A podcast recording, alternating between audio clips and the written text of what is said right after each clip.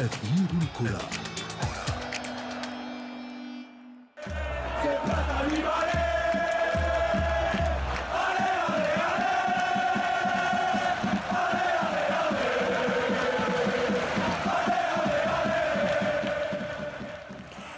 بكم من جديد في أثير الكرة. في كل موسم تضرب الكرة الإسبانية موعد مع المتعة والحماس والمنافسة الشرسة. ولكن آخرون يجدون بأن هيمنة, هيمنة فريقين فقط على لقب المسابقة في الأعوام العشرة الأخيرة يقلل من قيمة دورها ولكن في هذا العام هناك بعض الفرق التي تجرأت أن تدخل على خط المنافسة وتقارع قطبي الليغا. التفاصيل في تقرير الزميل محمد عبد السلام.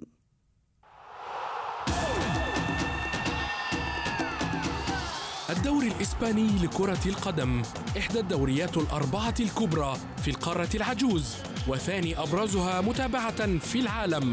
الدوري الذي يلعب ضمنه ثلاثة من أفضل الأندية في أوروبا برشلونة، ريال مدريد وجاره أتلتيكو.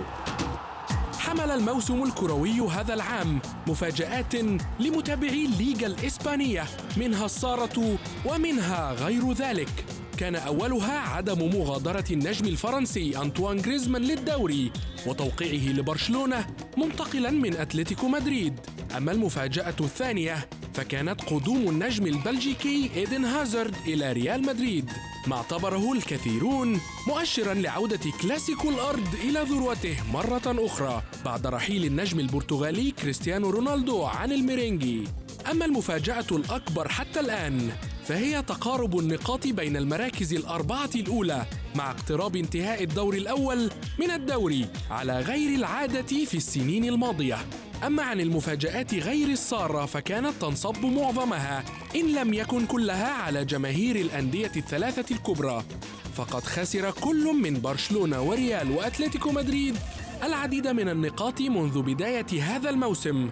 بل وعانى جماهير الفريق الملكي أيضا من القلق مع بداية دوري المجموعات لدوري أبطال أوروبا حيث مني الريال بخسارة ثقيلة في أولى مبارياته أمام باريس سان جيرمان وتعادل في الثانية مع كلوب بروج وفي الدوري خسر برشلونة 13 نقطة من 16 مباراة بداية تعد الأسوأ للنادي الكتالوني منذ أكثر من 14 عاماً.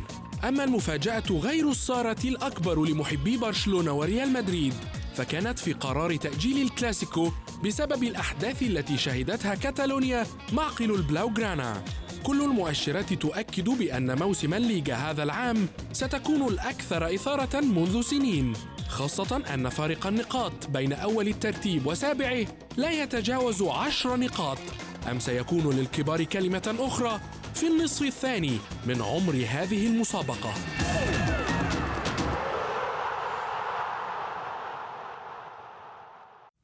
للمزيد حول ما يجري في ملاعب الليغا هذا الموسم ينضم إلي آه، الصحفي والإعلامي الرياضي منير رحومة. كابتن منير مساء الخير.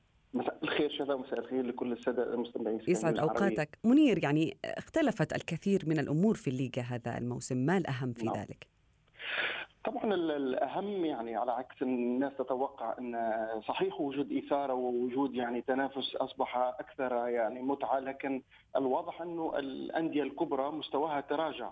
يعني لما نتكلم على برشلونة أو ريال مدريد مقارنة بالمواسم الماضية هناك تراجع حاصل على المستوى الفني سواء آه، فرديا بالنسبة لنجوم الفريق نتكلم على ميسي نتكلم على سواريز بالنسبة لبرشلونة بالنسبة لريال مدريد غياب النجوم ويعني إلى اليوم استقرار فقط على بنزيما مثلا في خط الهجوم مقابل اختفاء اختفاء يعني نجوم مثل بيل جارث بيل يعني.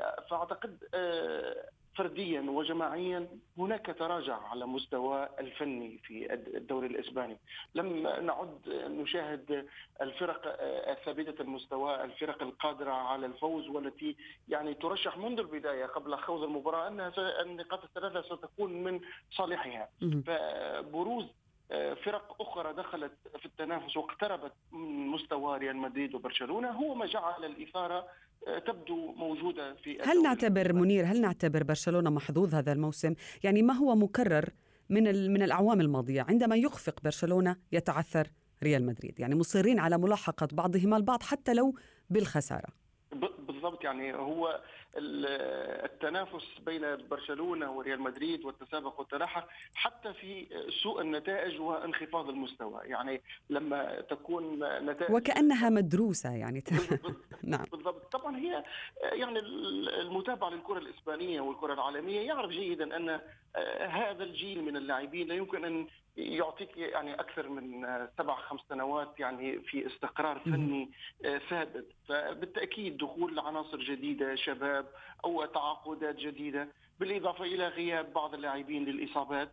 يمكن هي أن تكون هذا العامل الذي خلق عدم التوازن في جميل جدا. برشلونة مع مع مع بداية برشلونة وريال مدريد هذا الموسم هل آه، يملك آه، إشبيليا آه، فالنسيا أي فريق آخر فرصة في الدخول على الأقل في المنافسة على اللقب؟ يعني إذا أردنا أن نتوقع يكون دائما التوقع صعب في الليغا ولكن هل من الممكن أن نقول بأن حقبة برشلونة وريال مدريد وسيطرتهما على اللقب تحت التهديد؟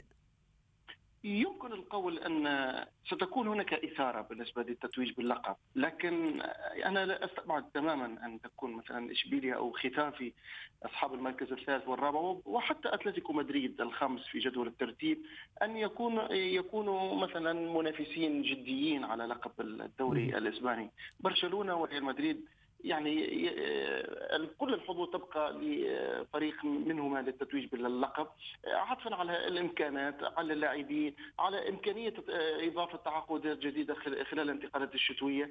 فإذا قارنا إمكانات آه، فريق برشلونة وريال مدريد تختلف تماما على إشبيليا وختافي وأتلتيكو مدريد. فأعتقد يمكن أن تكون إثارة جميلة وأن تكون بعض المفاجآت في الأمتار الأخيرة لكن سيبقى اللقب بين برشلونة وريال مدريد. على عكس الدوريات الأخرى الفرق الكبرى في الليغا متمسكة بمدربيها. هل سيتغير هذا الموضوع آه، في النصف الثاني من الموسم العام المقبل؟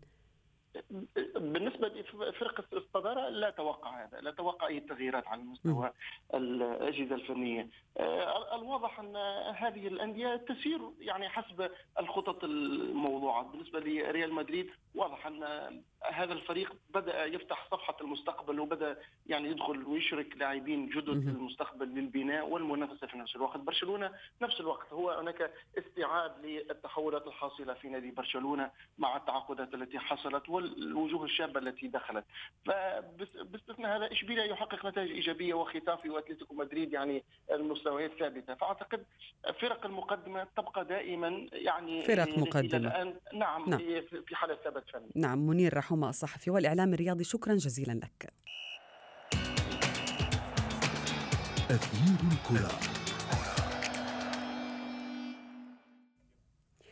إذا ما أردنا الحديث عن الدوري الإيطالي هذه المرة لا يمكن أن نتجاهل هيمنة يوفنتوس على اللقب في السنوات الثمان الأخيرة. الأمر الذي يعتقد البعض بأنه أضفى بعض من الرتابة أو الملل على هذا الدوري برأي الكثير من المتابعين ولكن بعد مرور 16 جولة في الكالتشو يحتل اليوفي المركز الثاني بفارق الأهداف خلف الإنتر وهو الأمر الذي لم تعتد عليه جماهير اليوفي في المواسم الأخيرة. ينضم إلي الآن الصحفي الرياضي محمد الحتو محمد مساء الخير. مساء الخير شذا إليك ولكل المستمعين. مساء الأنوار. محمد ماذا قدم لنا الدوري الإيطالي هذا العام 2019 آه، حتى الآن شذا إحنا نتكلم عن الدوري الإيطالي الدوري قوي الدوري التكتيكي العالي. انتر ميلان دخل على خط المنافسة هذه السنة وبقوة بعد التعاقد مع المدرب أنطونيو كونتي، أنطونيو كونتي عمله بيقدم مباريات جدا رائعة مع انتر ميلان. آه، على الرغم من التعادل في الجولة 16 اللي هي الجولة الجولة الماضية. آه، كان الفريق متقدم 1-0 ولكن في النهاية فيورنتينا عكر عليه مزاجه وسجل هدف التعادل في الدقيقه 92 آه، انتر ميلان حاليا في الصدارة بفارق الأهداف عن يوفنتوس برصيد 39 نقطة. اليوفي لا يمكن الاستهان به يعني بغض النظر إنه كان معاه حاليا المدرب ساري وهناك انتقادات كثيرة على هذا المدرب. آه، إلا أن الفريق آه، يمتلك آه، قاعدة جماهيرية كبيرة جدا. ولكن يعني 39 نقطة كما ذكرت لكن يوفنتوس الموسم الماضي في مثل هذا الوقت كان يملك 46 نقطة يعني أكثر بعشر نقاط فارق كبير. أعتقد شذا إنه يعني آن الاوان لبقيه الفرق الموجودة في الدوري الإيطالي أن تنافس على اللقب. بدلا من الرتابة اللي شاهدناها خلال السنوات الثمانية الماضية. يعني يوفنتوس آه، حاليا في المركز الوصيف آه، بفرق الأهداف ليس إلا. آه ولا ننسى كمان يوفنتوس أبرم تعاقدات جدا مهمة فيها فيها من السنة الماضية. يعني كريستيانو رونالدو لوحده هذا قيمة وقامة كبيرة في الدوري الإيطالي. حتى إنه يعني خطف الأنظار ولكن ما ما, ما تفسر ما يحصل لرونالدو هذا العام، الابتعاد عن مسارح التتويج بالجوائز الفردية آه، على دكة الاحتياط مع يوفنتوس لمباراتين، آه، مشاكل مع ماوريسيو ساري، هل هذا آه، يؤثر على حظوظ يوفنتوس في الاحتفاظ باللقب؟ أعتقد شذا إنه كريستيانو رونالدو يبقى كريستيانو رونالدو آه لاعب عظيم لاعب وقائد كبير نعم. حقق نعم. إنجازات كبيرة لا ننسى أنه سجل هدفين في المباراة الماضية وهو يعتبر اللاعب الوحيد حاليا الموجود في كل البطولات الخمس الكبرى في آه، في في أوروبا اللي سجل على الأقل 10 أهداف في جميع المسابقات. نعم. فبعتقد إنه لا آه كريستيانو على الطرف الآخر على الطرف الآخر على... الإنتر إنتر ميلان محمد. يعني الإصابات تعصف في هذا الفريق. يعني هي تدق ناقوس الخطر في حال أراد الفريق بالفعل تحقيق اللقب. هل هناك مخططات برأيك لكونتي في الميركاتو الشتوي؟ هل ممكن أن يدخل إنتر هذا هذا الميركاتو بقوة أكثر من من السابق؟ من الضروري شذا يعني آه، أنطونيو كونتي تعرض لضربة ثلاثية في في المباراة الماضية. سيغيب عنه أهم لاعب آه، بداعي الإنذارات تراكم الإنذارات اللي هو آه، مارتينيز. مارتينيز يعتبر يعني من أفضل اللاعبين حاليا الموجودين في في العالم وليس فقط في الدوري الإيطالي أو إنتر ميلان وهو هداف ممتاز. آه، لذلك أعتقد إنه كونتي بحاجة لهذا يعني للاعب يكون سندا للوكاكو ويكون قوة دافعة أيضا لمارتينيز. انتر ميلان مطالب حاليا بالبحث عن لاعبين في فترة الانتقالات الشتوية إذا ما أراد المنافسة على اللقب. لأن اليوفي آه، يبقى اليوفي وربما يحصل على اللقب التاسع على التوالي. لكن نعم. سئمنا يعني نريد أن تجديد في في الدوري الإيطالي. وإنتر ميلان أعتقد إنه قادر على ما, ما تقدمه الكرة الإيطالية محليا ينعكس كثيرا على ما تقدمه أوروبيا. ما رأيك بحظوظ الفرق الإيطالية الآن في في دوري أبطال أوروبا؟ ماذا سيحصل؟ هل هناك هل تتوقع أن أن يكون هناك مفاجآت في المربع الذهبي وما إلى ذلك؟ أتوقع إنه لا يعني ما في ما في غير اليوفي اللي قادر على المنافسة في في دوري أبطال أوروبا. قياسا بعناصر الخبرة الموجودة. آه، بينما يعني نتكلم عن أتلانتا ما أعتقدش يعني الفريق بالمركز السادس حقق مفاجأة كبيرة في دوري الحصان الأسود نعم. حصان أسود ولكن لن يستطيع أن يكمل المشوار لأنه في مواصفات خاصة ونوعية خاصة للبطل من أجل الوصول للمراكز متقدمة وأدوار متقدمة في دوري الأبطال. نعم نعم. محمد الحتو الصحفي والإعلامي الرياضي كنت معنا في أثير الكرة. شكرا جزيلا لك. أثير الكرة.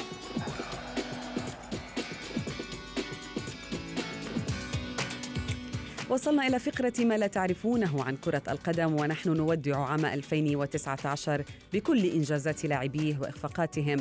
فهناك نجوم كبار ابتعدوا بالفعل عن الساحة أثناء التتويج بالكرة الذهبية المقدمة من مجلة France Football وأيضا عن مسرح أفضل لاعب The Best المقدمة من الاتحاد الدولي لكرة القدم. ونحن هنا نتحدث عن النجم البرتغالي ولاعب يوفنتوس كريستيانو رونالدو الذي رشح لهذه الجوائز ولكنها لم تكن من نصيبه.